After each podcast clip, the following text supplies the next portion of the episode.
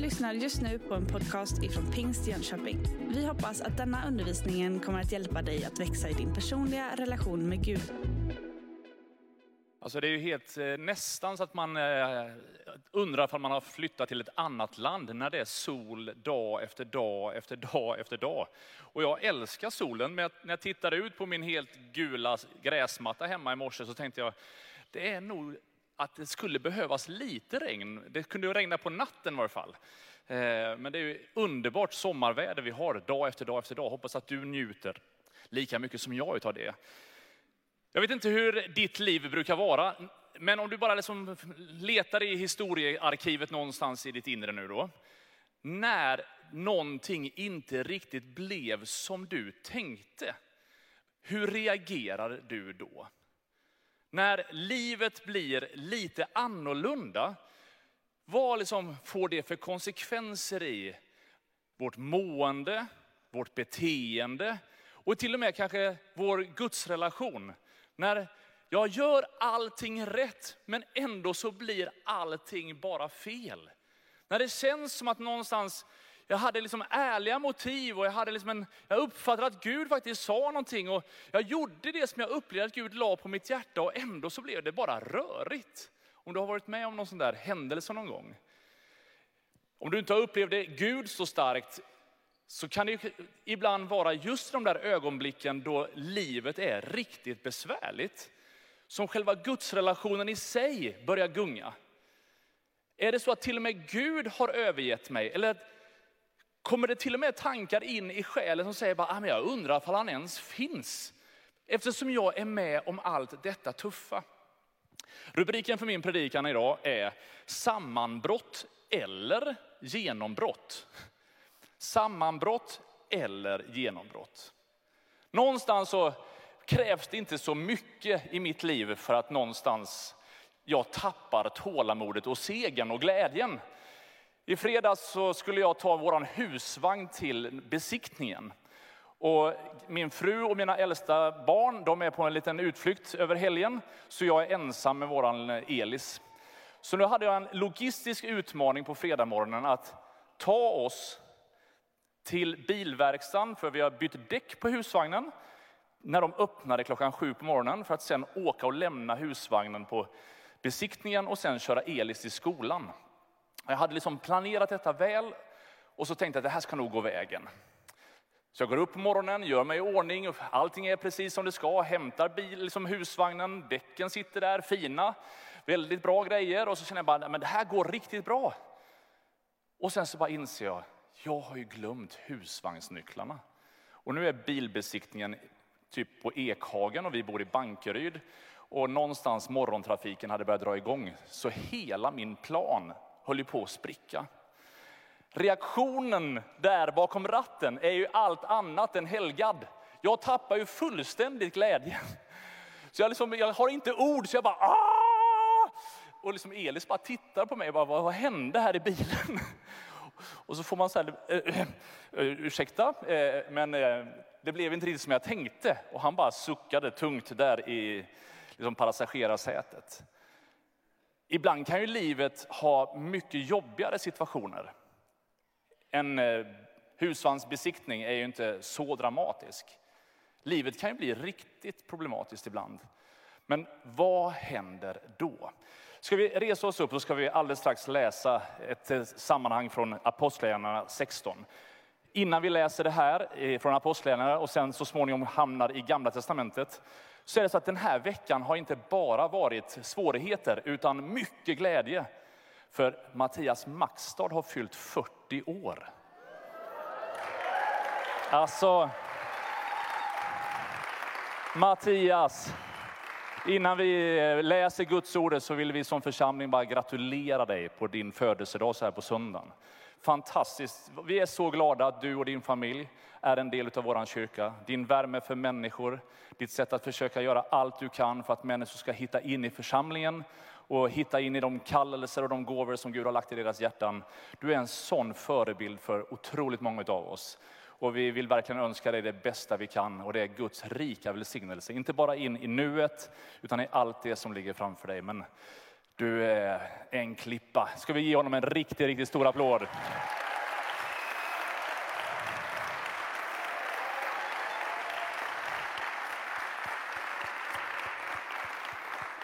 Och har du inte Mattias mobilnummer så kan jag skicka det till dig sen så ska du kunna swisha så mycket du bara kan. En riktig kärleksgåva till familjen Maxstad. Vi läser från Apostlagärningarna kapitel 16. Där står det så här. Vid midnatt var Paulus och Silas i bön och lovsång till Gud medan fångarna lyssnade på dem. Plötsligt kom ett kraftigt jordskalv så att fängelset skakades i sina grundvalar. I samma ögonblick öppnades alla dörrarna och allas bojor lossnade och föll av. Fångvaktaren vaknade och när han fick se att fängelsedörrarna stod öppna drog han sitt svärd och skulle just ta sitt liv eftersom han trodde att fångarna hade flytt. Men Paulus ropade högt, gör dig inte illa, vi är här allesammans. Då bad han om ljus och rusade in och föll skräckslagen ner inför Paulus och Silas. Sedan förde han ut dem och frågade, herrar, vad ska jag göra för att bli frälst? De svarade, tro på Herren Jesus, så blir du frälst, du och din familj. Och de förkunnade Herrens ord för honom och för alla i hans familj. Redan vid samma timme på natten tog fångvaktaren med dem och tvättade deras sår, och han döptes genast tillsammans med hela sin familj. Sedan förde han dem upp till sin bostad och dukade ett bord, jublande glad över att han med hela sin familj hade kommit till tro på Gud. Herre, nu ber vi dig att du som är levande och verksam, du som är närvarande, du som har sagt att när vi närmar oss dig, där närmar du dig oss. Herre, att du i den här predikan och i den här gudstjänsten nu skulle stadfästa ditt ord med att göra ditt verk i oss. Herre, jag vill be särskilt för de som är i det här rummet eller som följer den här gudstjänsten på annat sätt, som just nu går igenom en tuff tid. Det känns som att sammanbrottet håller på att ta överhanden. Herre, jag ber om frid, jag ber om en hälsning från himlen in i deras liv. Och så ber jag dig Herre för alla som har en sån här skön period. Livet börjar funka, det är mycket som är glatt och mycket som är på, liksom på rätt ställe. Herre, jag ber att den här undervisningen ska hjälpa till att navigera i det som ligger framför på ett gott sätt. Tack för att du möter oss alla och famnar oss alla. Herre, vi ber så i Jesu namn. Och allt folket sa ett kraftigt varsågod och sitt ner. Hela den här texten, liksom, föran, liksom, i förberedelserna innan den här liksom, passagen så förstår vi att apostlarna har ju nu börjat predika evangelium. De har börjat liksom göra det som Gud hade lagt på deras hjärtan och som han hade gett dem i uppdrag att göra. Och alldeles nyss så har det varit liksom en, en batalj som på något sätt eh, de blir oskyldigt anklagade för och liksom att de viglar upp folket och så hamnar de i fängelse. De har gjort allting rätt. De har inte gjort någonting moraliskt fel som egentligen skulle förtjäna att hamna i fängelse. Utan de har bara lytt Gud och hållit sig nära Herren. Men trots att de har gjort allting rätt så hamnar de i finkan. Jag tror inte att vi ska söka förföljelsen. Jag tror inte att vi är kallade till det. Men vi behöver inte vara oroliga om det skulle hända. Och I den här passagen så möter vi Paulus och Silas och de är längst inne i fängelset. De har liksom fängelsecellen längst in. Och för att vara riktigt säker på att de aldrig ska liksom ta sig därifrån så är de kedjade och till och med sitter fast i en stock. Det är liksom misär, det luktar illa, det är säkert råttor där, det är ingen som har liksom gjort rent på länge där. Det är liksom det luktar illa, det är sunkigt och omständigheterna är ju milt sagt besvärliga. Hade det varit Marcus Ardenfors inne i det fängelset så hade det lätt varit bara, Gud, vad håller du på med? Jag har ju gjort allt precis så som du har sagt att vi ska göra och så hamnar vi här. Så här ska det inte vara, det här är inte rättvist. Kanske skulle det vara så.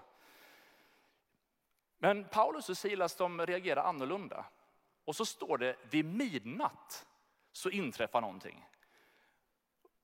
Och det, jag skulle bara vilja stanna där lite grann, för när, när Bibeln beskriver midnatt, när han talar om natten, så behöver inte det bara vara den exakta tiden på dygnet. Utan natten står ju för det där mörkret. Där någonstans konturerna utav det som är på riktigt förändras. Och i skuggorna och i mörkret så kan vissa saker upplevas större, farligare, jobbigare, tuffare än vad de egentligen är. Det är de där varga timmarna som ganska många av oss ibland kanske vaknar mitt i natten och någonstans är lite oroliga över någon särskild sak. Och där under de där timmarna så är det som mest svårt att någonstans någon hantera sina känslor. Och i de där ögonblicken, när livet är precis så, så väljer Paulus och Silas att be och sjunga lovsång. Jag vet inte hur det är för dig, men ibland så är jag väldigt känslostyrd. Så att om jag är på rätt känslotillstånd så är det lättare att bedja och att lovsjunga. Om jag känner att ja, men nu har livet varit lite enklare, då är det lätt att så här, kvittra med i en lovsång. När liksom någonstans, nu sjunger man min sång, jag kan den här utan till, jag kan bara ge mig hän i den här och det är på mitt sätt och det är liksom, allting är krattat för att det ska passa mig så är det lättare att ge mig hän. Paulus och Silas lär oss i den här texten att ställa tillbedjan över känslor och omständigheter. Och jag tror att ibland så vinner djävulen nästan två gånger. Inte bara genom att liksom vi utsätts för massa mörker och det är tufft och svårt. Utan han skäl ibland också vår tro och vår frimodighet och vår tillbedjan. Och vi skulle behöva återerövra bönen och lovsångens sanna kraft. Och nyckeln av tillbedjan i den här texten ligger inte i att jag fröjdar mig över omständigheterna, utan jag tillber den Gud som är Herre över allt. Och så börjar de lovsjunga Gud. Mitt i eländet börjar de be. Och så står det att de här andra fångarna lyssnade. Jag tänker att de hade ju inget val. Det, är liksom, det fanns ju ingen chans att parera det. Utan om det är två stycken hängivna längst in i liksom fängelset som börjar lovsjunga, då är det snällt att bara lyssna. Jag vet, det står ju ingenting i texten vad de upplevde, fall de hånade dem eller fall de... Vi vet ingenting om de andra fångarna, mer än att när sen Gud gör ett under så blir alla befriade. Och ingen väljer att smita, utan alla stannar kvar. Så vi anar ju att någonstans Gud har säkert gjort någonting, inte bara i den där fångvaktarfamiljens liv under den natten, utan även de här andra fångarna. Jag minns när jag för många år sedan var ungdomspastor i en annan kyrka och så skulle jag och barnpastorn ha skollektioner på en skola som hade lite tufft klimat. Som hade bett oss komma till den där mellanstadieskolan och så skulle vi ha en temaserie kring att vara en bra kompis och utifrån gyllene regeln kunna liksom undervisa barnen. Och vi var där i ganska god tid och ställde i ordning och i det där klassrummet som vi skulle vara i så fanns det ett piano. Så innan jag, liksom, när vi var färdiga, så, innan det skulle börja så satte jag mig vid pianot och så började jag bara spela lite lovsånger. Det var inte så att jag sjöng, men någonstans så bara bad vi en bön att Gud var med oss nu när vi ska ha de här lektionerna. Gör någonting i de här barnen som gör att du stillar stormen. Och så bara fortsatte jag att spela. Och när barnen började komma in i det klassrummet, tre stycken mellanstadieklasser som sätter sig på golvet, så bara är det en sån här skön atmosfär. Jag tänkte inte på att, liksom, att vad jag gjorde egentligen, det var inte ett eh, strategiskt vapen jag använde. Men efteråt så kommer några lärare fram och säger bara, du, alltså det här var ju helt otroligt. Vilket lugn. Och vad var det för sånger du spelade? Och då insåg jag vad jag någonstans, just det, det var ju lovsånger jag hade spelat. Det var så påtagligt att någon som tillber kan påverka ett helt rum. En som lovsjunger i en familj kan påverka hela familjen. En som lovsjunger i det här rummet kan påverka hela det här rummet. Och här är Paulus och Silas som bestämmer sig att oavsett omständigheterna så ska vi tillbe Gud av hela vårt hjärta. Vi ska be att han griper in. Att han ska göra sitt verk. Och så kommer det där jordskalvet som vänder upp och ner på hela situationen. Alla blir befriade. Fångvaktaren bara känner att Nej, men nu har alla mina fångar rymt, men han bara inser att de är kvar. Och så ställer han den här frågan, hur ska jag komma, hur ska jag komma till tro? Vad ska jag göra för att bli frälst? Och så får de leda honom och hela hans familj till den där dopplatsen. Och man bara anar feststämningen. Det som såg ut som ett sammanbrott blev ett genombrott. Om du följer med till gamla testamentet ska vi bara titta på ett kapitel som jag tycker det är ett fantastiskt kapitel i gamla testamentet som jag återkommer till ofta i min egen personliga bibelläsning. Så nu får du hänga med i min personliga andakt en liten stund. I andra krönikeboken kapitel 20 så är det så att Israels folk de, de kämpar ju hela tiden. Det är alltid någon attack från något håll. Och här är ytterligare ett sånt här tillfälle där de står under attack. Då står det så här i de första verserna i andra, eller andra krönikeboken 20. En stor skara kommer mot dig från landet på andra sidan havet från Aram. De är i Hausan Tamar, det vill säga Engedi. Då greps Josafat av fruktan och beslöt sig för att rådfråga Herren. Och han utlyste en fasta över hela Juda. Och Juda samlades för att söka hjälp hos Herren. Och från alla Judas städer kom man för att söka Herren. Vi förmår ingenting mot denna stora skara som kommer mot oss. Och vi vet inte vad vi ska göra, men våra ögon är vända till dig. Jag ska stanna där en liten stund. Jag tycker det är så fantastiskt i den här texten, för den har sin början med att Josafat, som är kungen i landet, bara inser någonstans att nu är det kris. Det är liksom en fiendearmé som håller på och vänder oss ryggen och liksom, nu kommer de här i full kraft mot oss. Och så står det att han greps av fruktan. Jag tycker det är så skönt att någonstans bara bekräfta att det är naturligt att bli rädd. Det är helt okej okay att bli frustrerad och känna bara, nu, nu vet jag inte hur det här ska gå ihop. Jag känner fruktan. Det är mänskligt. Det är ingenting som vi ska försöka låtsas som att det inte är där. Men det Josefat gör är att när han känner fruktan så beslutar han att nu behöver jag gå till Gud med det här. Vem går du till när livet är riktigt besvärligt? Väldigt många svenskar går till sig själv. Säger ingenting till någon. Berättar inte alls om den här striden på insidan, i kampen i tanken, utan man blir själv med hela sitt problem. Josafat, han gör tvärtom. Han säger, nu är jag rädd. Nu har jag gripits av fruktan. Nu behöver jag rådfråga Herren. Gud, vad ska vi göra i detta? Och så utlyser han en helig fasta. Och jag skulle vilja utmana oss i den tid som vi lever i nu. Där ganska många har åsikter om vad kyrkan ska få tro och lära. När ganska många krönikörer på olika tidningar nästan varje vecka ger sig på pingströrelsens teologi i olika former. Vad den är, så tror jag att vi är i sånt här läge där vi behöver rådfråga Gud. Inte drabbas av fruktan, inte bli oroliga, inte liksom låta det ta överhanden. Utan säga Gud nu fastar vi, nu söker vi ditt ansikte. Hur tänker du leda oss? Och så samlades man för att söka hjälp hos Herren. Och så kom man samman för att söka Herren. I sommar så kommer vi säkerligen vara på lite olika semesterresor. Jag skulle bara vilja utmana dig. Följ gudstjänsterna från Jönköping på Spotify om du är bortrest. Sök upp en kyrka på den platsen du besöker på söndagen. Fira gudstjänst hela sommaren, vart du än är. Tillbe, sök Herren och vi ber tillsammans. Och så står det så här, vi förmår ingenting, vi vet inte vad vi ska göra, men våra ögon är vända till dig. Jag tycker det är sån tröst i det här.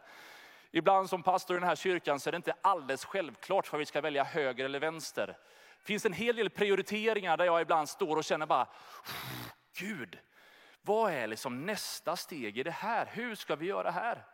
Och det är så skönt att känna att ja, men jag, jag förmår ingenting, jag vet inte vad jag ska göra.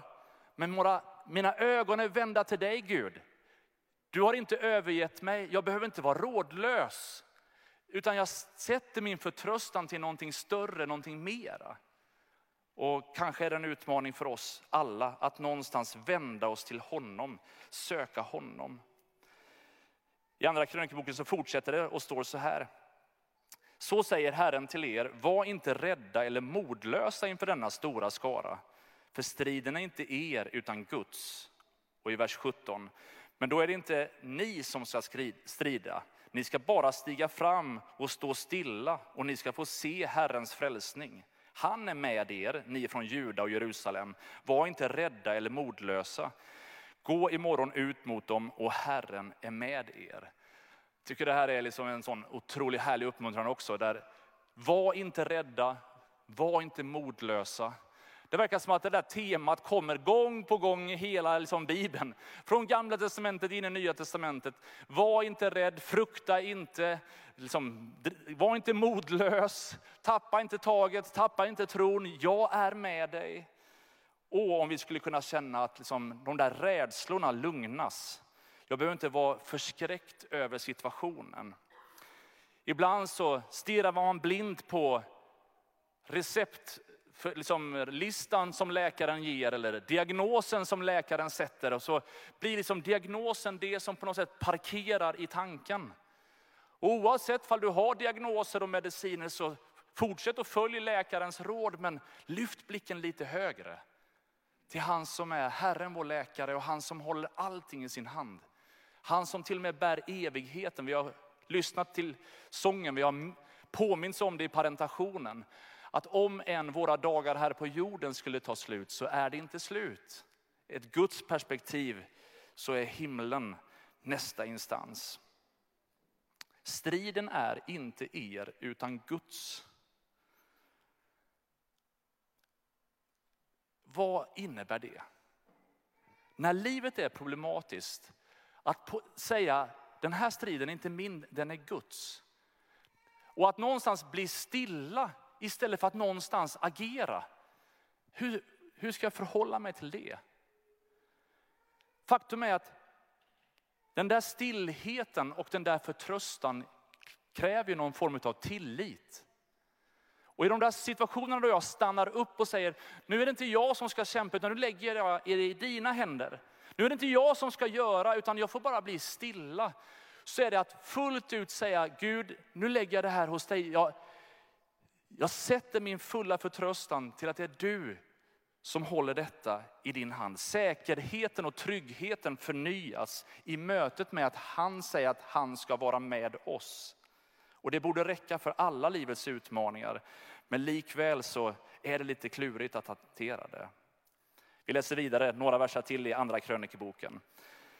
Från vers 20 så står det så här. Tidigt nästa morgon gick de ut till Tekoas öknen och när de drog ut steg Josafat fram och sa Hör mig ni av Juda och ni Jerusalems invånare. Stå fasta i tron på Herren er Gud så att ni består. Lita på hans profeter så lyckas ni. Sedan han hade rådgjort med folket ställde han upp sångare som skulle prisa Herren i helig skrud medan de drog ut framför den beväpnade Herren. De skulle sjunga tacka Herren, evig är hans nåd. Och när de började sjunga och lova lät Herren ett angrepp komma bakifrån på folket från Ammon, Moab och Seers bergsbygd som hade kommit mot Juda, mot Juda och de blev slagna. Mattias kom fram här får vi se om du eh, är tillräckligt stabil. Står du fast i tron? Om du, du är, vi hade en sån här pastorsdag i Växjö och då skulle man gå på en sån spänd lina mellan två träd. Och de flesta av oss klarade kanske 4-5 sekunder. Jag tror att några i min grupp var uppe på 7-9 sekunder. Tills Mattias Maxstad ställde sig på den här linan och var i typ två och en halv minut. Ja, det var helt, helt sjukt. Men ställ dig på ett ben Mattias. Så vi ser ifall du klarar Så du kan bara stå där. Stå fasta i tron. Hur står man fast i tron? Vad innebär det att stå fast? Vi förstår ju ganska snabbt att om jag ska stå fast, så jag behöver stå fast för att klara ganska tuffa vindar. När Mattias får stå så här oprovocerat på ett ben så ser han ju ut som en, ja, en påfågel, vacker och grann. Men om jag skulle vara lite provocerande, nu, jag är inte ens eh, jag är inte superattackerande på dig, men någonstans så blir det lite svårare. Ser du kittlig du är också? Det är inte så lätt att hålla balansen med bara en fot. Någonstans får till och med en sån här fräsch 40-åring kämpa med balansen. Men han klarar det ovanligt bra ändå måste jag säga. Det är verkligen bra. Ja, men nu får vi... Bra Mattias.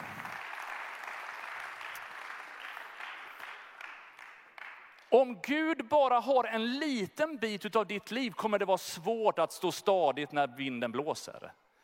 Om bibelläsning, om bön, att någonstans närma sig Gud, om det bara liksom är någon gång ibland upplevelse, så kommer du vara ett lätt byte när marken rämnar under dina fötter. Men om du lär dig någonstans att stå stadigt i Gud, att umgås med Herren, någonstans lära känna honom så att han får visa hur stor och mäktig han är. Så kommer du även i prövningens stund känna att han kan använda mig även här. I fredags så satte jag mig i bilen till Stockholm. Eh, mina föräldrar bor i Södertälje. Min pappa har drabbats av cancer sedan ett gäng år tillbaka och min mamma har haft en del, del utmaningar i sitt liv också. Så de har varit mycket hemma, mycket på sjukhus och många anledningar att någonstans i de situationerna tycka att det är lite väl besvärligt. När jag sitter hos dem i fredags kväll så berättar de sådana fantastiska historier och berättelser från deras kvarter. För de bor i ett radhus med en liten tomt precis på kanten i början på radhusområdet. Så alla som bor i det här området nästan passerar deras hus. Så det känns som att mamma och pappa kan namnet på hela det där radhusområdet. Alla som bor där. Och så berättar de om en familj som bor väldigt nära dem. Som drabbades också av cancer.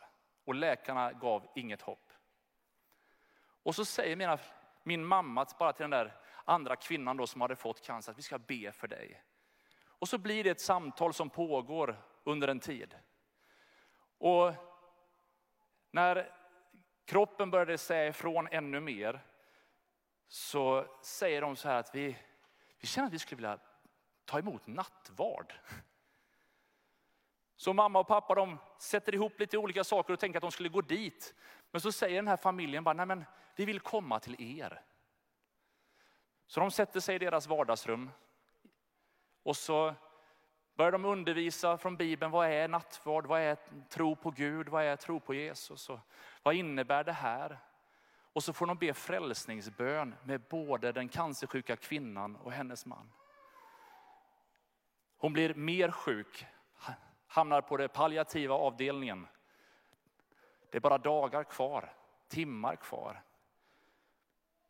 Då säger de, vi skulle behöva nattvard igen. Och skröpliga som mina föräldrar är så säger de, det här, får, det här ska vi bara göra. Det, det bara måste vi göra.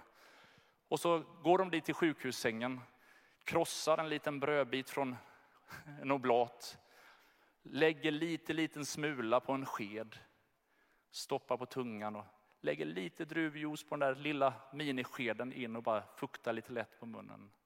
Och så är det som att hela himlen bara är i rummet. Barnen, alla är med och deltar. Och så finns det, jag ska nog bjuda hit dem någon gång så ska de själva få berätta hela den här storyn. Men jag känner så här, när deras liv, när deras eget liv är så begränsat utav kraft. När de har så mycket smärta i kroppen och så mycket besvärlighet i vardagen så verkar de leva det där livet som säger bara Gud, du är större över mina omständigheter. Du kan alltid få låta mig få vara till välsignelse trots att jag har så mycket motgång. Du är med överallt. Och om vi kunde stå så fasta i tron, vara trygga i hans armar. Josafat, han rådgör med hela folket. Och det här ska vi kunna ha som ett inledningsord på nästa församlingsmöte. Varför är vi mån om att vara överens i beslut eller överens i riktning och vision. Vi tror att alla här kan höra från Gud och att någonstans faktiskt det där bekräftas. Som att Vi kan rådgöra med varandra och allas gåvor och infallsvinklar kan förädla olika processer. Men det där bibelstudiet kan vi ta en annan gång mer utav. Sen kommer det här märkliga. Tänk dig att du ska ut i krig. Vi har ju lite krig i vår egen världsdel och mycket handlar om att förse Ukraina med rätt vapen och kunna försvara sig. Josafat, när de har rådfrågat Herren så får de en helt annan instruktion. Ja, nu ska vi besegra den här armén. Så att ni som är i lovsångsteamet, kom, ni kan komma fram. Vi är snart, eh, det är dags för er snart, så det är en bra punkt för er att komma. Åh, vad skräckslagna fiendearmén blir när de ser er. Åh, ni verkar så starka. Alltså det är någonstans, vilken märklig strategi. Vi ska, vi ska ut i krig, men längst fram i den här hären så ställer vi lovsångsteamet. Och eran uppgift, det är inte att bära några starka mänskliga vapen, utan ni ska bara leda oss i tillbedjan av att Herre, du är god. Din nåd är evig. Du finns här med oss alltid. Och så när lovsångarna leder församlingen i tillbedjan så gör Gud ett under och besegrar fiendearmén. Det verkar som att Paulus och Silas kunde andra krönikeboken och visste att i livets svåra situationer så handlar det inte om att bara gömma sig, tycka synd om sig själv, utan det är då jag verkligen behöver lovsjunga Gud. Om du har en tuff tid i livet, du kan gripas av fruktan, du kan känna dig rådlös. Bara, jag vet inte vad jag ska ta vägen med detta. Det verkar vara mänskligt. Bibeln bekräftar att så kan det vara. Men parkera inte i dödsskuggans dal. Lyft blicken till han som säger jag ska leda dig igenom den. Det finns ett hus, det finns en plats, det finns ett bord som är dukat för oss. Och vi ska tacka Herren att hans nåd är evig. Psalm 30 säger så här, hör Herre och förbarma dig över mig. Herre var min hjälpare. Du förvandlade min klagan till dans. Du lossade min sorgedräkt och klädde mig i glädje. Därför ska min ära sjunga till dig utan att tystna. Herre min Gud, jag vill tacka dig för evigt. Den här bönen har jag bett inför den här söndagen. Att du som går igenom tuffa tider skulle få vara med om en förflyttning i din själ. Att du får klä av dig sorgedräkten, klä av dig det som är tungt och motstånd och elände. Och att han skulle få ikläda dig sig själv, att ikläda sig Kristus. Få kraft för att någonstans hantera livet. Du har just lyssnat på en podcast ifrån Pingst Jönköping. För att få reda på mer om vilka vi är och vad som händer i vår kyrka så kan du gå in på pingstjonkoping.se eller följa oss på sociala medier via pingstjkpg.